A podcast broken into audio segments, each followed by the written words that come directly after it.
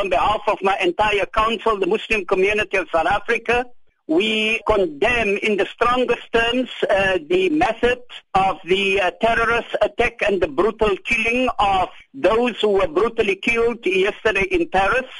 against the backdrop of those who claim to justify it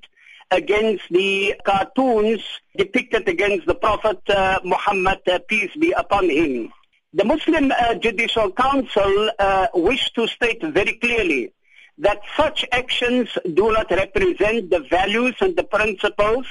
of Islam as a religion, neither that of Christianity, neither that of uh, Judaism.